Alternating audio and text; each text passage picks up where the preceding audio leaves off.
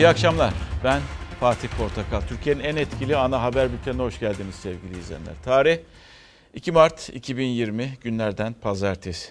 Zor günlerden geçiyoruz. Kolay günler değil. Bir zamanlar savaşın uzağındaydık. Şimdi kendimizi savaşın içinde buluyoruz adeta. Ve sanki günler geçtikçe, saatler ilerledikçe ve günler geçtikçe o söz edilen, olmaz dediğimiz, olamaz dediğimiz, ya bizim zaten düsturumuz belli. Biz nedir? Dünyada barış, ülkemizde barış isteyen e, cumhuriyetin çocuklarıyız. Biz savaş görmüş, savaştan acılar çekmiş ve o acıları bir daha yaşamak istemeyen bir nesilden, nesilden geliyoruz dediğimiz günlerde ne var ki artık o savaş seslerini veya ayak seslerini kendi içimizde duyar olduk. Bizden uzak demiştik ama biz uygulanan politikalarla kendimizi bu savaşın içerisinde bulduk. Haklı olduğumuz yerler de vardır, haksız olduğumuz yerler de vardır. Onlar tartışılıyor zaten kameraların önünde. Bizler de birazdan e, size e, Suriye'de yaşananları vereceğiz. Suriye'de yaşananlardan sonra bir de sınırlarda yaşananları vereceğiz ve şunu diyeceğiz. Herkesin bir yaşama hakkı var. Yaşam hakkım bu akşamki tabelamız sevgili izleyenler. İşte o yüzden e, duyarlı olacağınızı düşünüyorum ve yaşam hakkım da e, aklımıza geldi. Sizlerle paylaşalım dedik. Sıcak yerlere gideceğiz. Daha doğrusu olayların olduğu yerlere gideceğiz. İşte Ankara'da e, yarın önemli bir e, toplantı olacak Türkiye Büyük Millet Meclisi'nde. Cuma'dan sonra işte ilk defa toplanacak Türkiye Büyük Millet Meclisi günler günler sonra 34 şehidin sonrasında haber müdürü Engin Yılmaz bize anlatacak. Bugünden belki yarının tansiyonunu öğreneceğiz. Daha sonra Barış Kaya'ya gideceğiz. Çünkü o da Cilve Gözü, Hatay Cilve Gözü'nde bekliyor. Arkası zaten hemen İdlib olduğunu biliyoruz birkaç kilometre sonrasının bugün gözlemlediklerini, neler yaşandığını bizlerle paylaşacak ve insanlık dramının tam sınır hattında Türkiye-Yunanistan sınır hakkında yaşanan o insanlık dramı gelecek ekranlara birazdan. Bundan sonrası ne olacak diye Emre Üsküparlaz'la e, Üsküparlaz'la konuşacağız. Tam Meriç kıyısı bir taraf Türkiye, diğer taraf Yunanistan ve Doyran köyünde bizi bekliyor. Geldik. Ee, önce Ağrı'ya gideceğiz. Çünkü Ağrı'da bir terör saldırısı vardı. Terör örgütü PKK tarafından gerçekleştirildi. Gürbulak sınır kapısından e, e, müdürlüğüne ait servis aracına yönelik bir saldırıydı. Ve terör saldırısında bir kişi şehit oldu. Maalesef bir şehidimiz var. Yaralılarımız var. Çok üzgünüz. Teröristler gümrük servis aracına pusu kurdu. Roketli saldırıda bir gümrük görevlisi şehit oldu, dört çalışan ağır yaralandı. Saldırı sonrası arazi taraması yapan bir asker de mayına basarak yaralandı. Ağrı'da saat 08.30 sıralarıydı. İran sınırındaki Gürbulak sınır kapısında görev yapan personel nöbet değişimine gidiyordu. Teröristler personeli taşıyan zırhlı minibüse roket atarla saldırdı. Saldırıda ön tekerleği isabet alan araç yoldan çıktı. Boş araziye sürüklendi. Bir görevli şehit oldu, dört görevli ağır yaralandı. Saldırının ardından bölge güvenlik güçleri tarafından çembere alındı. İki atak helikopteri teröristlerin kaçış yollarını ateş altına aldı. Bomba imha ve mayın arama ekipleri arazide tarama faaliyeti yürütürken teröristlerce araziye önceden yerleştirilmiş olan patlayıcı infilak etti. Patlamada bir asker yaralandı. Ve bakınız lanet olası terör örgütü bir kişinin yaşamını, yaşam hakkını elinden aldı.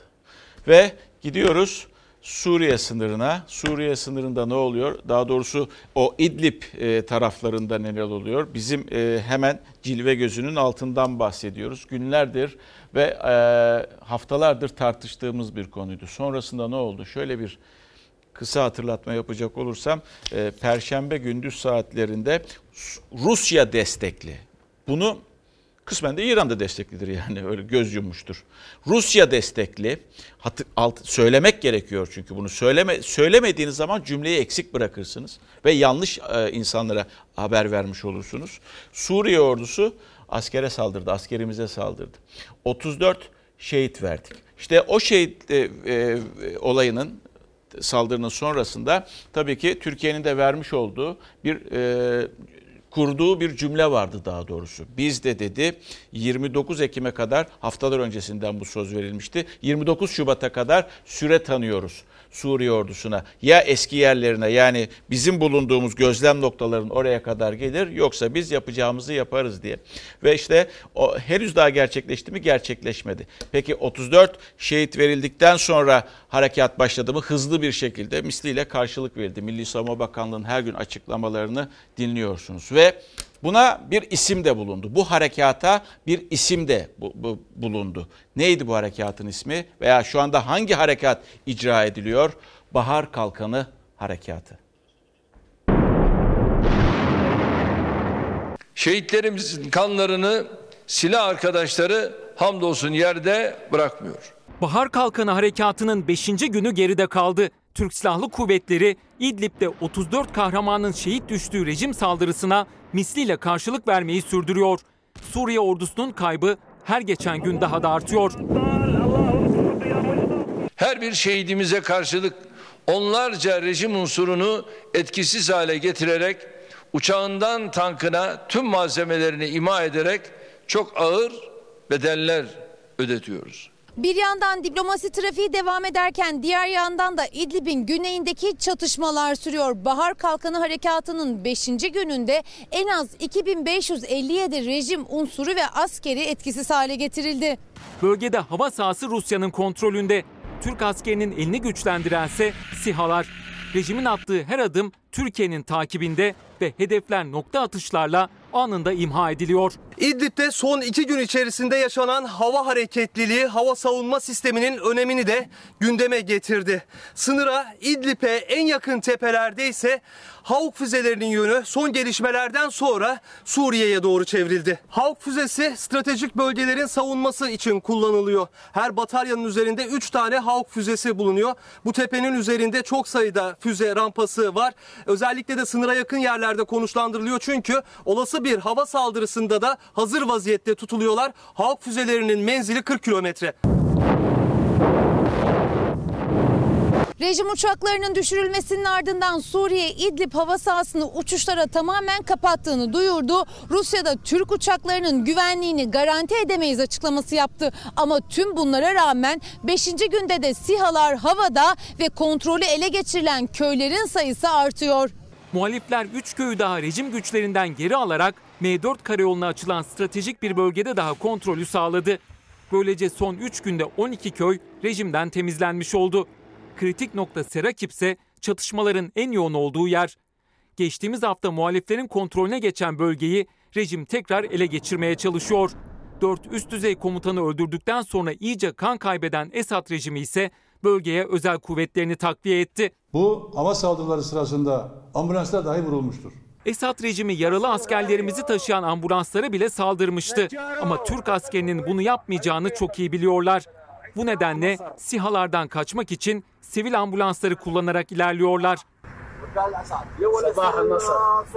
Milli Savunma Bakanı Hulusi Akar da sınırın sıfır noktasında harekatı bizzat yönetiyor. Suriye'deki tek sıcak nokta İdlib değil. Bahar Kalkanı Harekatı bölgesine kilometrelerce uzaklıktaki Barış Pınarı Harekatı bölgesinin güneyine YPG PKK'lı teröristler sızma girişiminde bulundu. 32 terörist öldürüldü. Tel Rifat'tan Zeytin Dalı bölgesi ve Fırat Kalkanı bölgesine sızmaya çalışan 24 terörist de komandolar tarafından etkisiz hale getirildi. Bugünlerde çok kullandığımız kelimelerden biri savaş etmek, savaşmak, savaş yapmak ve bakınız yıllar önce 2011 yılında bizim ülkemizde olmaz, yaşanmaz dediğimiz çünkü bizim savaşımız değildi bu. Türkiye'nin savaşı falan değildi bu. Ama bir şekilde uygulanan politikalarla olayın tarafı olduk. Olayın tarafı olunca da ister istemez uygulanan yine o politikalarla bu noktalara kadar geldik. Ve şimdi artık biz savaşın içindeyiz neredeyse. Esad kendini kurtarmış durumda. Arkasını e, Rusya'ya dayamış durumda. Biz kendimizi o savaştan korumak istiyoruz veya o durumdan e, bundan sonra sıçrayabilecek olaylardan, yaşanabilecek olaylardan kendimizi korumak istiyoruz. Ve bizi yönetenler kendi politikalarını hala da sorgulamıyorlar, sorgulamak zorundalar. Bize ait olmayan savaştan bize ait olan savaşa geldik. Aslında Savaşa hayır demek gerekiyor. Bakın Nejat Eslen'in çok güzel bir sözü var bugün. Şöyle diyor e, Nejat Paşa, emekli bir e, general ve stratejist. Savaş çok ciddi bir amaç için çok ciddi bir eylemdir ve bedeli kandır. Televizyon kanalları savaş denilen bu ciddi eylem için programlarını şova dönüştürmemeleri gerekiyor diyor. Hepimize bir mesaj veriyor. Savaşa hayır demek aslında hepimiz için bir insani ve vicdani bir görevdir. Bunu dememiz gerekiyor ki savaşın olduğu yerde maalesef hiçbir şey yeşermiyor. Bol üzüntü, bol üzüntü, bol gözyaşı ve bol acı sevgili izleyenler. Geldik sizi nereye götürüyorum? Şimdi Hatay'a gideceğiz, Cilve Gözü'ne gideceğiz. Bir de hayatın gerçeklikleri var, yaşamın gerçeklikleri var, politikaların gerçeklikleri var. Barış yine yoğun bir gün geçirdiniz. Tabii arkanızda sınırın öte yanında neler yaşandığını bilmek mümkün değil. Siz de çok net bilmiyorsunuz ama bana bugün bugün e, ne anlatabilirsin? E, en azından e, bizimle paylaşabileceğin somut bir şeyler var mı?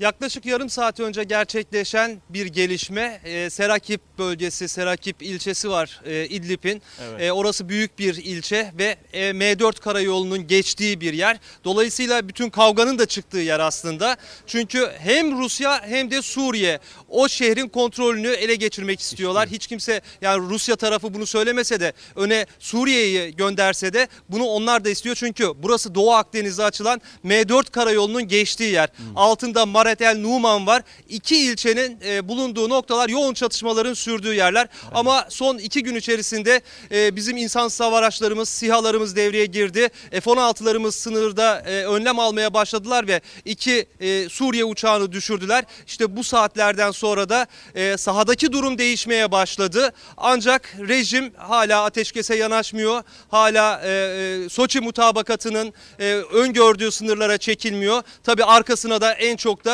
Rusya'nın desteğini alıyor. Tabii. Rusya sonuçta mutabakata önem veriyoruz, uyuyoruz dese de e, sahada bunun bir göstergesi yok Fatih Portakal. Peki. Çok çok teşekkür ediyoruz Barış. Ee, yani saatler sonrası neler olacağını bilmiyoruz. Gözümüz kulağımız orada e, sizde. Çok teşekkürler sağ ol. Şimdi geldik tabii e, bir başka olayı bir başka boyutuna götüreceğim sizi. Evet orada Türk Silahlı Kuvvetlerine mensup askerlerimiz, güvenlik güçlerimiz sınırda, sınırın biraz daha ilerisinde. Ve ellerinden gelen her şeyi de yapıyorlar. Ya işte bu gerçeklik içerisinde yapıyorlar ama arkamda gördüğünüz bir başka gerçeklik. Bu da gelinen son noktalarda. Son noktamı bilmiyorum ama gelinen şu andaki noktalardan biri. İşte o olayın sonrasında karşılıklı zıtlaşmaların, karşılıklı inatlaşmaların e, sonrasında İdlib'de patlak veren bu olaylar ve yarın ne olacağını bilmiyoruz. Ardından Türkiye'nin e, kendi sınırları içerisinde bulunan o e, göçmenlere göz yumması ve sınır kapılarının açılması. Ha, açıldı mı açılmadı mı tam net bilmiyoruz ama göz yumulduğunu söyleyebiliriz. Ve bakınız sevgili izleyenler aslında aslında sınır hattında yani bu Yunanistan'la denizle de olabilir, karayla da olabilir. Hiç önemli değil. İki liderin bu kez Yunanistan ve Türkiye liderinin bir araya gelmesi ve bu sınır hattında yaşanan trajediye el koyması gerekiyor. Görüntüleri izlediğinizde bu insanlar içinde çocuk olsun, yaşlı olsun, genç olsun şunu diyeceksiniz. Hepsinin birer yaşam hakkı var.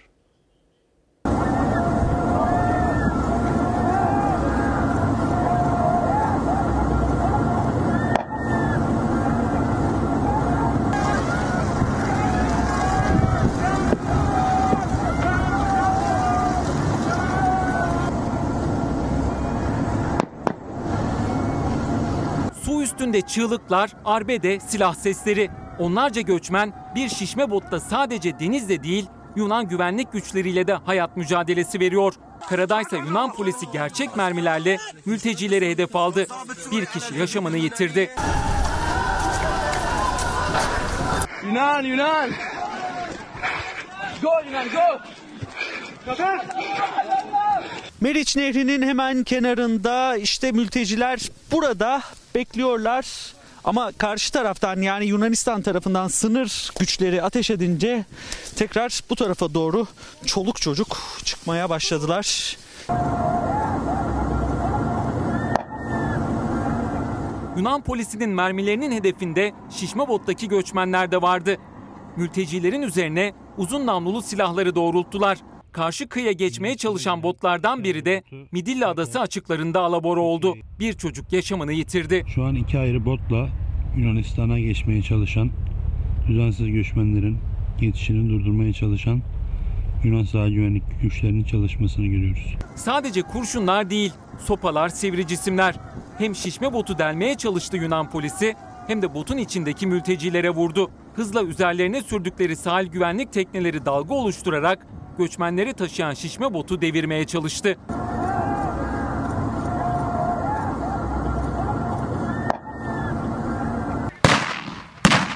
Sınır kapılarındaysa gazlı basınçlı suyla müdahaleye silah da eklendi. Yunanistan Meriç Nehri'nden Ege kıyılarının son noktasına kadar hava, kara ve denizden tatbikat yani göçmen avı yapılacağını duyurdu. Hem de gerçek mermilerle. Sadece yoldakiler değil, Yunanistan'a ulaşabilenler de tehlike altında. İşte Yunan adalarına ulaşan botlardan biri 20 yetişkin kenarlarına oturmuş. Ortada kadınlar ve çocuklar o botta uzun çubuklarla uzaklaştırıldı kıyıdan. Çaresiz yine Türkiye'ye döndüler. Yunanistan'ı geçtik. Az kalmıştı. 40 dakika falan kalmıştı. Polisler bize yakalandı. Bize götürdü bir yere. Oda kadar bir yer vardı. Orada bin kişiden fazlaydı. Orada iyice bize kadın erkek bakmadı. Bize dövdüler.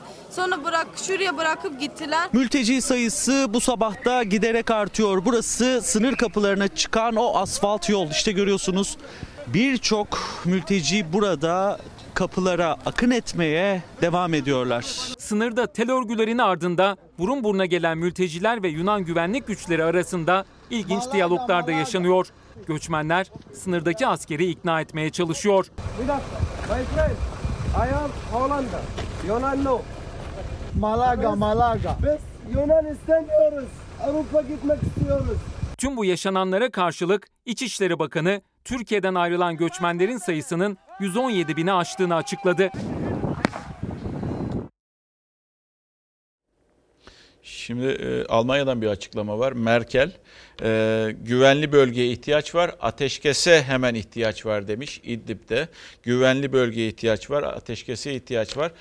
Siz zannediyor musunuz ki e, Yunanistan'la Avrupa Birliği arasında şu an için bir diyalog yok? Hayır, var, vardır ve e, Avrupa Birliği Yunanistan'a e, hayır almayacaksın bunları. Bunlar burada durduracaksın. Yunanistan da almak istemiyor çünkü. Gidip de orada Merkel de kendini herhalde veya Fransa Cumhurbaşkanı da kendini öne e, atmak istemiyor. Çünkü ateş onlara sıçrayacak. Oraya gidecek daha sonra. Aslında e, sadece az önce ben Türk ve Yunan dedim ama Avrupa'daki önemli liderlerin bir araya gelip bu insanlık dramı için Bugün için bunlar yaşanıyor. Yarın neler yaşanacağını bilmiyoruz. Yiyecekleri yok, içecekleri yok. Denizde kimisi, kimisi karada nasıl tehlikeler beklediğini bilmiyor. Nasıl tehlikelerle karşı karşıya olduklarını bilmiyoruz. Ama her birinin yaşam hakkı var. Ve o yaşam hakkını sağlamak bütün ülkelerin görevi. Biz de dahil olmak üzere Yunanistan, Almanya, Fransa, Rusya, Amerika Birleşik Devletleri, Birleşmiş Milletler. Herkesin görevi var burada. Ee, Az önce görüntüleri izlediniz ee, ve o görüntüler işte bugün Emre Üskübarlas e, Doyran köyünde e, Kenan Özcan'la birlikte bulunduğu yer şöyle anlatayım ben size. E, birazdan arkasını tarif etmesini isteyeceğim Emre'den. Meriç Nehri'ni biliyorsunuz. Meriç Nehri'nin bir tarafı Türkiye, bir tarafı Yunanistan ve arkadaki insanlar da geçmeyi mi bekliyor diyelim artık, kaçmayı mı bekliyor, karşı tarafa gitmeyi mi bekliyor Emre? Fatih Portakal fırsatını bulunca karşıya geçmeyi bekleyenler burada çoğalmaya başladı. Dünden itibaren sadece sınır kapılarında değil işte bulunduğumuz bu köylerde de o sayı gittikçe artıyor. Aslında karşıya geçenlerin de işi zor çünkü Yunan askerinin ateş ettiğini duyuyoruz buralardan bile. Yani bu noktadan bile o ateş seslerini duyuyoruz. Geçenin de işi zor aslında kalanın da işi zor. Kalanın işi niye zor aslında onu da biraz gösterelim isterseniz. İşte görüyorsunuz çadır denmeyecek aslında işte bir iki battaniye ile çevrelenmiş. Hemen yanında işte iki e, bu şekilde çalı çırpıyla bir çadıra dönüşmüş noktalar. Aslında yiyecek bir gıda malzemesi de yoktu burada. İşte görüyorsunuz bu şekilde yardımseverlerin getirdiği bu gıda malzemeleriyle, ekmeklerle burada doymaya çalışıyorlar bu soğukta yaşamaya çalışıyorlar. İşte bir aile Suriyeli bir aile hemen sayayım 1, 2, 3, 4, 5, 6 6 çocuk burada Fatih Portakal işte gelen o bulgur pilavını yemeye çalışıyorlar. Bir herhalde bir yaşında bir bebek de burada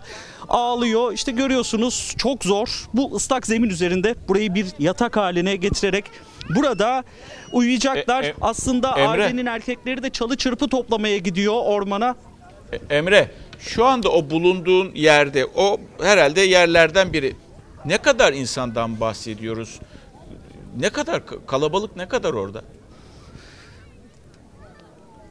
Şunu söyleyebilirim. Doyran köyünün nüfusu yaklaşık bin kişi ama bu nüfusun yani köy nüfusunun bile bence bir 10 katı burada mülteci var diyebilirim. Çevrede var aslında sadece bulunduğumuz bu noktada değil nehir kenarlarında var. Biz göremiyoruz ama ağaçların her köşesinde her ağacın altında bir mültecinin olduğunu söyleyebilirim. Çünkü fırsatını bulunca onlar karşıya geçecek. Bilmiyorum ışık el veriyor mu ama işte Meriç Nehri'ni evet. görüyorsunuz. Arkada mülteciler orada da bir çadır kurmaya başladılar kendi e, imkanlarıyla. Yani bekleyen mülteciler kimi bir iple beline ip bağlayarak kimi bir botla Kimi de yüzerek bu soğuk havada karşıya geçmenin yollarını deneyecekler ama biz yol boyunca gördük ki sağlı sollu, sollu şekilde buraya gelen mülteci sayısının her geçen saat arttığını söyleyebilirim Fatih Portakal. Hava nasıl orada şartlar?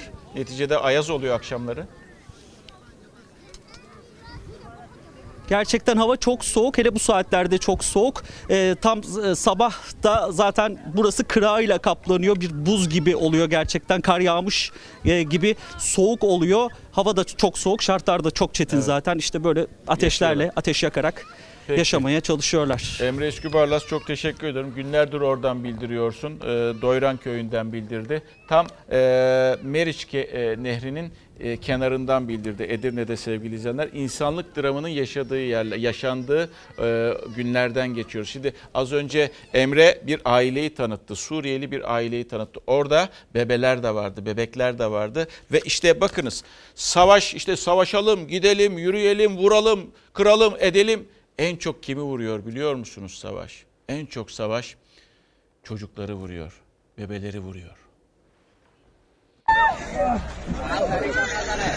Maşallah. Departı mı sizi?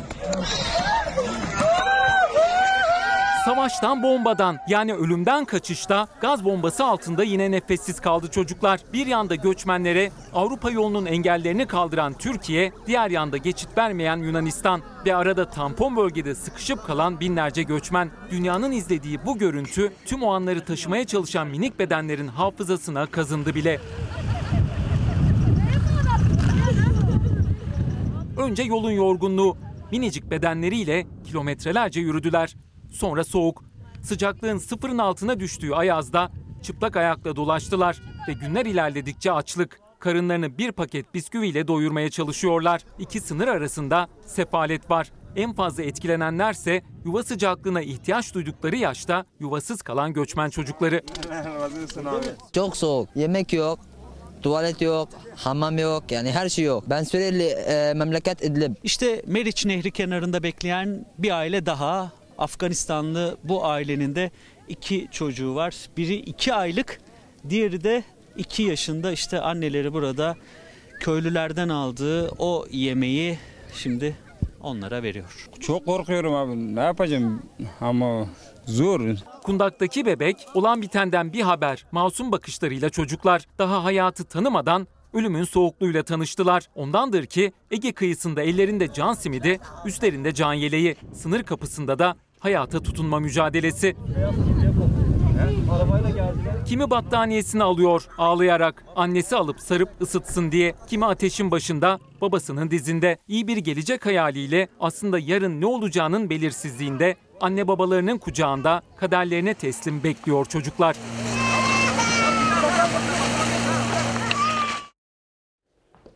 Ve işte kimi mülteciler onlara da Onları da dolandırıyorlar. Birileri çıkıyor diyor ki alın ben sizi götüreceğim. Nereye? Yunanistan'a götüreceğim. Tamam biliyorlar bir bota. Ondan sonra arkada olduğu gibi daha sonra Meriç şehri üzerinde bir adacık bir toprak parçasının üstüne bırakıyorlar.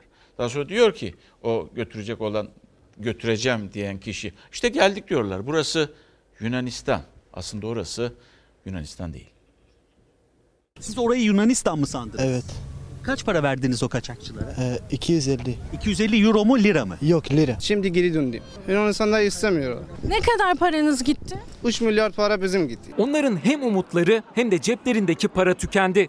Türkiye'nin pek çok ilinden Edirne'ye ulaşan göçmenler ya Yunan polisi tarafından geri çevrildi ya da insan kaçakçıları tarafından dolandırıldı. Gittiklerinden daha kötü bir halde geri döndüler.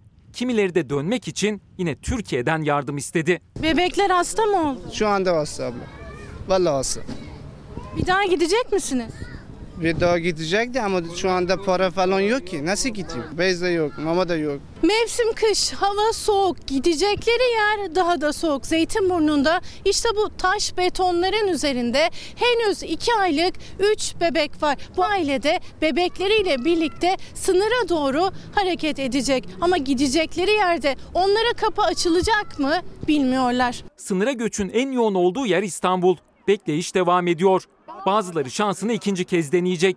Taksiler, otobüsler de sığınmacıların etrafında bu yüzden. Götürecek misiniz? Götürecektim. Hayrına mı parayla mı? Yok la hayrına değil kimse hayrına götürmüyor. Kimse. Kaça götüreceksin? Ya kaça 100 ile 120 arası götürüyorlar. Dediler bizi getirir misin? Ben dedim tamam. 600 lira anlaştık. Orada zaten ben bir sefer gittim benim telefon, çanta, manta her şey Yunanistan polisler aldı. Gidip geri mi döndünüz? Evet geri döndürdü bize Türkiye. Sınırı geçtiniz mi? Sınıra geçtik. Burası Zeytinburnu. Sığınmacılar Yunan sınırına Edirne'ye doğru gitmeye devam ediyor. Umut yolculuğuna çıkanlardan biri de Afganistanlı Abdullah. Sınır soğuk olduğu için bekleyeceğini bildiği için o da yanına battaniyesini almış. Biraz sonra buradan Edirne'ye doğru yola çıkacak. Edirne gidiyorum. Orası biraz soğuk diyorlar. Daha kapılar da açılmamış. Biz de dua ediyoruz. Belki açılır kapılar inşallah. Parayı denkleştirebilenler Edirne'de alıyor soluğu. Ama orada da sığınmacıların karşısına dolandırıcılar çıkıyor. Karşı taraf Yunanistan. Ondan sonra her kişi başı 300 milyon alıyorlardı. Bu diyor ki burada Yunanistan. Bu insani krizin ve dramın ortasında ne yazık ki dolandırıcılar da boş durmadı. Her bir mülteciden 250 lira aldılar. Sizi Yunanistan tarafına geçireceğiz dediler ama onları Yunanistan'a değil Meriç Nehri'nin hemen ortasındaki Türk tarafına yakın bu adacığa bıraktılar. Ya orada tabii ki mahsur kaldık. Ne şeye gidebiliyoruz, Yunanistan'a gidebiliyoruz ne de Türkiye'ye geri, geri gelebiliyoruz. İşte o mülteciler de geceden bu yana orada mahsur kaldı. Onları kurtarmak için de hemen burada AFAD ekipleri geldi. Çünkü yardım istediler. Botlarla mahsur kalan o mültecileri kurtaracak. İşte bir çocuk kurtarılan bir çocuk gel düşersin gel. Orada mahsur kalan ailenin çocukları çıkarıldı işte. Korkmuş halde. Haberciler tabii yardım ediyor çocuklara. Gel böyle. Bu arada hatırlatmasını yapayım. Ankara mülteci politikamızda bir değişiklik yok dedi. Evet sınırlar resmi olarak açık değil ama Türkiye artık eskisi kadar sıkı kontrolde bulunmuyor. Yani ne denizde bulunuyor ne de karada bulunuyor. Bir vatandaşımız şöyle demiş Seyit Bey, Fatih Bey demiş. Bir düz mantık düz bir düz mantık olun. Zorla gönderilmiyorlar. Kendi keyif, istek ve arzularıyla gidiyorlar. Farkında mısınız? Farkındayım ama neticede insanım da, vicdanım da var. Kadınları da görüyorum, erkekleri de görüyorum, çocukları da hepimiz görüyoruz, izliyoruz. Yani buna duyarsız olamaz dünya. Yani Türkiye'den bahsetmiyorum. Liderlerin bir araya gelip Birleşmiş Milletler nezdinde belki de bu soruna çözüm bulmaları gerekiyor. Yani Suriyelilerden evet geçmişte hoşlanmıyor olabilirsiniz. Geçmişte burada bulunmalarından rahatsızlık duyuyor olabilirsiniz ama insan olarak evet insanlığımızı kaybetmemek, vicdanımızı köreltmemek gerekiyor. Ona esas dikkat çekmek istemiştim. Geldik. Ee, Cumhurbaşkanı bugün e, partililerine seslendi. Tabii mülteci politikası ile ilgili e, mesajlar verdi. Mesajlar direkt Almanya'ydı. Yani Avrupa'ydı da belki de önce Merkel'e gidiyordu aslında. Tabii ki isim vermedi. Bitti artık o iş dedi. Batı bunun hesabını verecek ve devamını da getirdi. Aslına bakacak olursanız önümüzdeki günlerin Batı için daha da ağır olacağını gösteriyor. Bugün 100 bin, yarın 1 milyon kişi Yunanistan sınırına dayanacak diyor. Kapıları açarız dedim. Dediler ki herhalde blöf yapıyor. Şimdi kapıları açınca telefon telefon üstüne gelmeye başladı. Kapıları kapatın. Dedik bitti o iş. Milletin 40 milyar dolardan daha fazla parasını harcadılar. Sıkışınca Bu kadar mülteciye bakmak, beslemek zorunda değiliz diye veriyorlar. Türkiye'nin sınır kapılarını açmasıyla mülteciler Yunanistan-Bulgaristan sınırına akın ederken izlenen politika iç siyasetin gündeminde. Cumhurbaşkanı Avrupa'ya res çekerken CHP Aylan bebeği hatırlattı. Peki şimdi kameralar karşısında botlara doldurulan mülteci bebeklerden biri tıpkı Aylan bebek gibi suda boğulursa bunun vicdani sorumluluğunu nasıl taşıyacağız? Ya bu insanları kendi topraklarında onurlu bir hayata kavuşturacağız ya da herkes bu yükten payına düşen nasibi alacak. Artık tek taraflı fedakarlık dönemi bitti.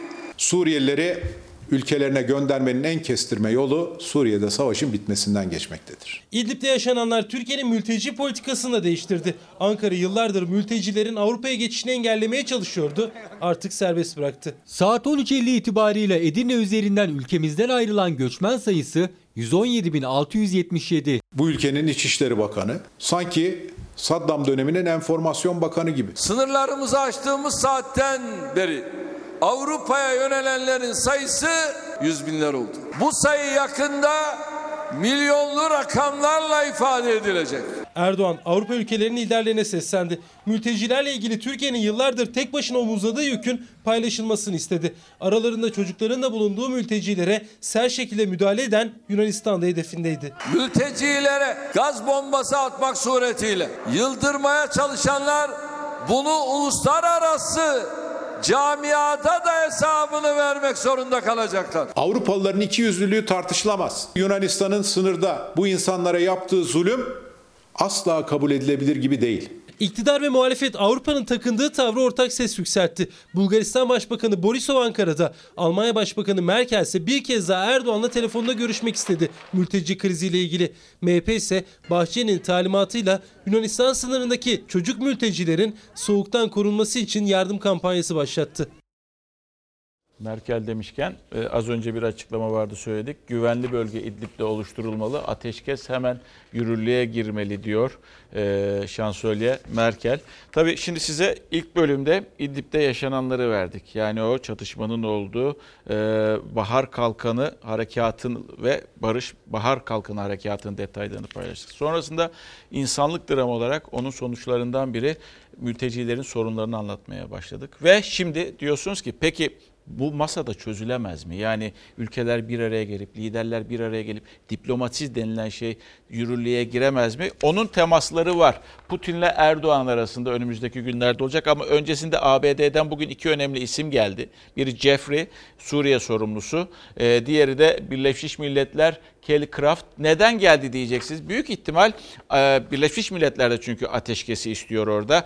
Onun telkini için Türkiye'ye gelmiş olabilirler. Ve ardından e, Rusya'dan temkinli mesajlar var birkaç gün sonrası için. Daha doğrusu imalı mesajlar var. Erdoğan e, Moskova'ya gitmeden önce Moskova'dan mesajlar geliyor ama satır aralarından bir şeyleri anlamaya çalışıyorsunuz. Peki ne zaman gidiyor Cumhurbaşkanı? Cumhurbaşkanı 5 Mart'ta Putin'le buluşacak Moskova'da.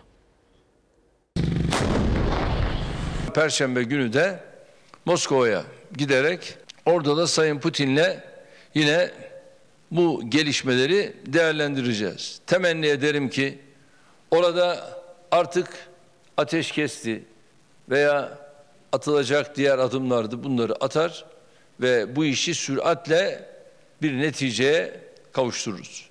Cumhurbaşkanı Erdoğan Putin'le görüşmesi öncesinde konuştu. İdlib krizini çözüme kavuşturmayı umduğunu söyledi.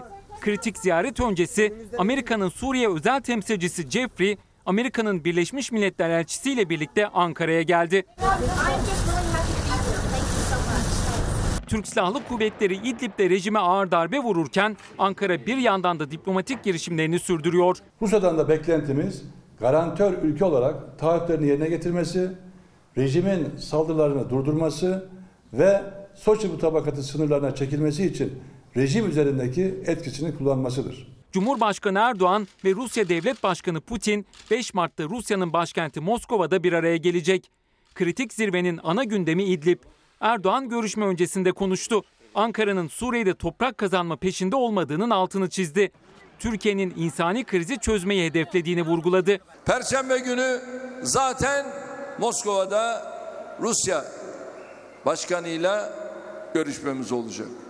Moskova Soçi mutabakatlarına bağlılığını koruyor. Suriye'nin terörle mücadele niyetini destekliyor ve doğal olarak Türk partnerlerle işbirliğine büyük önem veriyor. Kremlin sözcüsü Peskov, Rusya'nın Suriye'nin toprak bütünlüğünü desteklediğini belirtti. Moskova'nın bölgede terörle mücadeleye devam etme niyetinde olduğunu söyledi. Biz garantör ülke olarak mutabakatlardan doğan tüm sorumluluklarımızı yerine getirdik, getirmeye devam ediyoruz. Rusya ile karşı karşıya gelmek gibi bir düşüncemizin olmadığı herkes tarafından artık bilinmektedir. Türkiye'nin Esad rejimine karşı başlattığı Bahar Kalkanı harekatı sürerken Washington'dan Ankara'ya önemli bir ziyaret gerçekleşiyor. Amerika'nın Suriye özel temsilcisi James Jeffrey ve Birleşmiş Milletler daimi temsilcisi Kraft Türkiye'ye geldi. Amerikan heyetinin çantasındaki en önemli gündem maddesi İdlib. Jeffrey ve Kraft'ın Ankara'daki temaslarının ardından Hatay'ı ziyaret etmesi ve sivil toplum kuruluşlarının temsilcileriyle bir araya gelmesi bekleniyor. Şimdi kafanızı kurcalayan bir soru vardır mı e, belki. İdlib sorunu sizce nedir diye. Biliyorsunuzdur, bilmiyorsunuzdur. Nejat Eslen'in bu, bugünkü yazısından o bölümü okuyacağım. Önem veriyorum çünkü e, Necat Bey'in yazdıklarına. Şöyle diyor. İdlib sorunu sizce nedir? 5-6 Mart tarihlerinde Rusya'da gerçekleştirilecek Erdoğan-Putin zirvesinin başarılı olması büyük ölçüde Türkiye'nin HTŞ ile ilgili kararına bağlı olacaktır. Terör örgütü HTŞ, HTŞ'den bahsediyoruz. Türkiye, Rusya ile birlikte hareket edip HTŞ'nin yok edilmesine imkan mı sağlayacaktır? Yoksa Türkiye, ABD ile birlikte hareket edip HTŞ'nin varlığını sürdürmesine onay mı verecektir? Veya sorun zamana mı yayılacaktır? İdlib sorunu HTŞ sorunudur. Gerisi teferruattır. Oradaki terör örgütü bitsin mi, bitmesin mi? Esas sorun bu. Bir de şimdiki bir haberi izleyene kadar da şu sözü, e, şu sorunun cevabını bulmaya çalışın. Sizce ateşkes yakın mı İdlib'de diye ben size bir soru sorayım. Ardından da ee, bir de siyasete bakacağız çünkü bugün e, Erdoğan partilere seslenirken farklı farklı yerlerde mesajlar vardı. Ee, dışarıya, İran'a, Rusya'ya, ardından içeriye, CHP'ye vesaire. Rusya ve İran'a hedef almadık biz orada dedi. Ama bir taraftan da Rusya'nın askerlerimizi şehit ettiğini de biliyorsunuz. Suriye ordusuna destek verdiğini biliyorsunuz. Ardından da bu cümleyi kuruyorsunuz. Diplomasi maalesef böyle bir şey. Rusya ve İran'ı hedef almadık. Rejimi imha ediyoruz dedi. Var mıydı başka? Başka yoktu. Ha, CHP'nin soruları vardı. Erdoğan'ın Putin'e sorması için. Türkiye şu ana kadar Suriye'de ne Rusya'yı ne İran'ı doğrudan hedef almamıştır. Harekatımızda sadece askerlerimizin kanını döken rejim unsurlarını imha ediyoruz. Suriye'de Rusya'dan habersiz kuş mu uçuyor? 34 askerimizin şehit edilmesinin arkasında Putin rejiminin olduğu tartışmasızdır. Rusya'ya ve İran'a bir kez daha sesleniyorum. Suriye'de bizim sizinle herhangi bir derdimiz yok. Cumhurbaşkanı ısrarla Esad rejimine hedef alırken Putin görüşmesi öncesi Rusya ve İran'a ılımlı mesajlar verirken ana muhalefetten saldırıların sorumlusu Putin açıklaması geldi.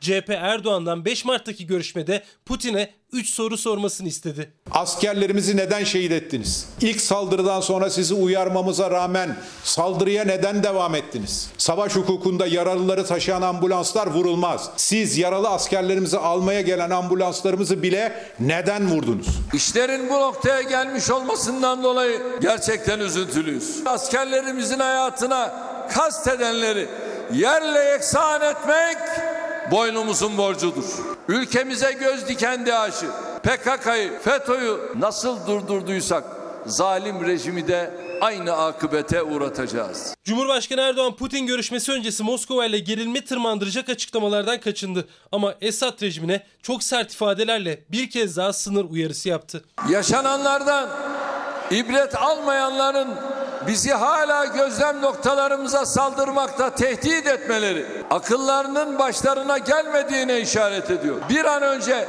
Türkiye'nin belirlediği sınırların dışına çıkmazlarsa bir süre sonra omuzlarının üzerinde o başlar da kalmayacak. Bütün millet büyük bir hüzün içindeyken Herkes her sözünü tartarak konuşurken devleti yönetenler gülüp eğlenmişlerdir. Ama değiliz o kadar değil dedim.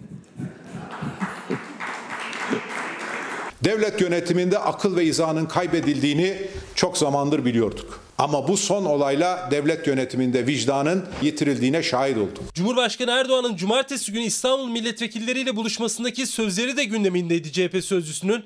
Daha önce kurduğu İdlib'de yaşananlara savaş diyebiliriz cümlesi de. Biz Türkiye Büyük Millet Meclisi olarak kendilerine savaş izni vermedik. O yetki bizde. Terörle mücadele ve göçün engellenmesi için verdik bu tezkereyi. Bizim kan dökülmemesi, can yanmaması, acı yaşanmaması konusundaki hassasiyetimizi zafiyet veya çekingenlik olarak görenlere gerçek gücümüzü göstermeye daha yeni başlıyoruz. Cumhurbaşkanı Erdoğan ana muhalefetin eleştirilerine ve uyarılarına rağmen Suriye politikasından geri adım atılmayacağını söyledi. 5 Mart'ta gidecek. Ha, tabii e, bu soruları aslında sormak gerekiyor Putin'e. Bunlar haksız sorular değil.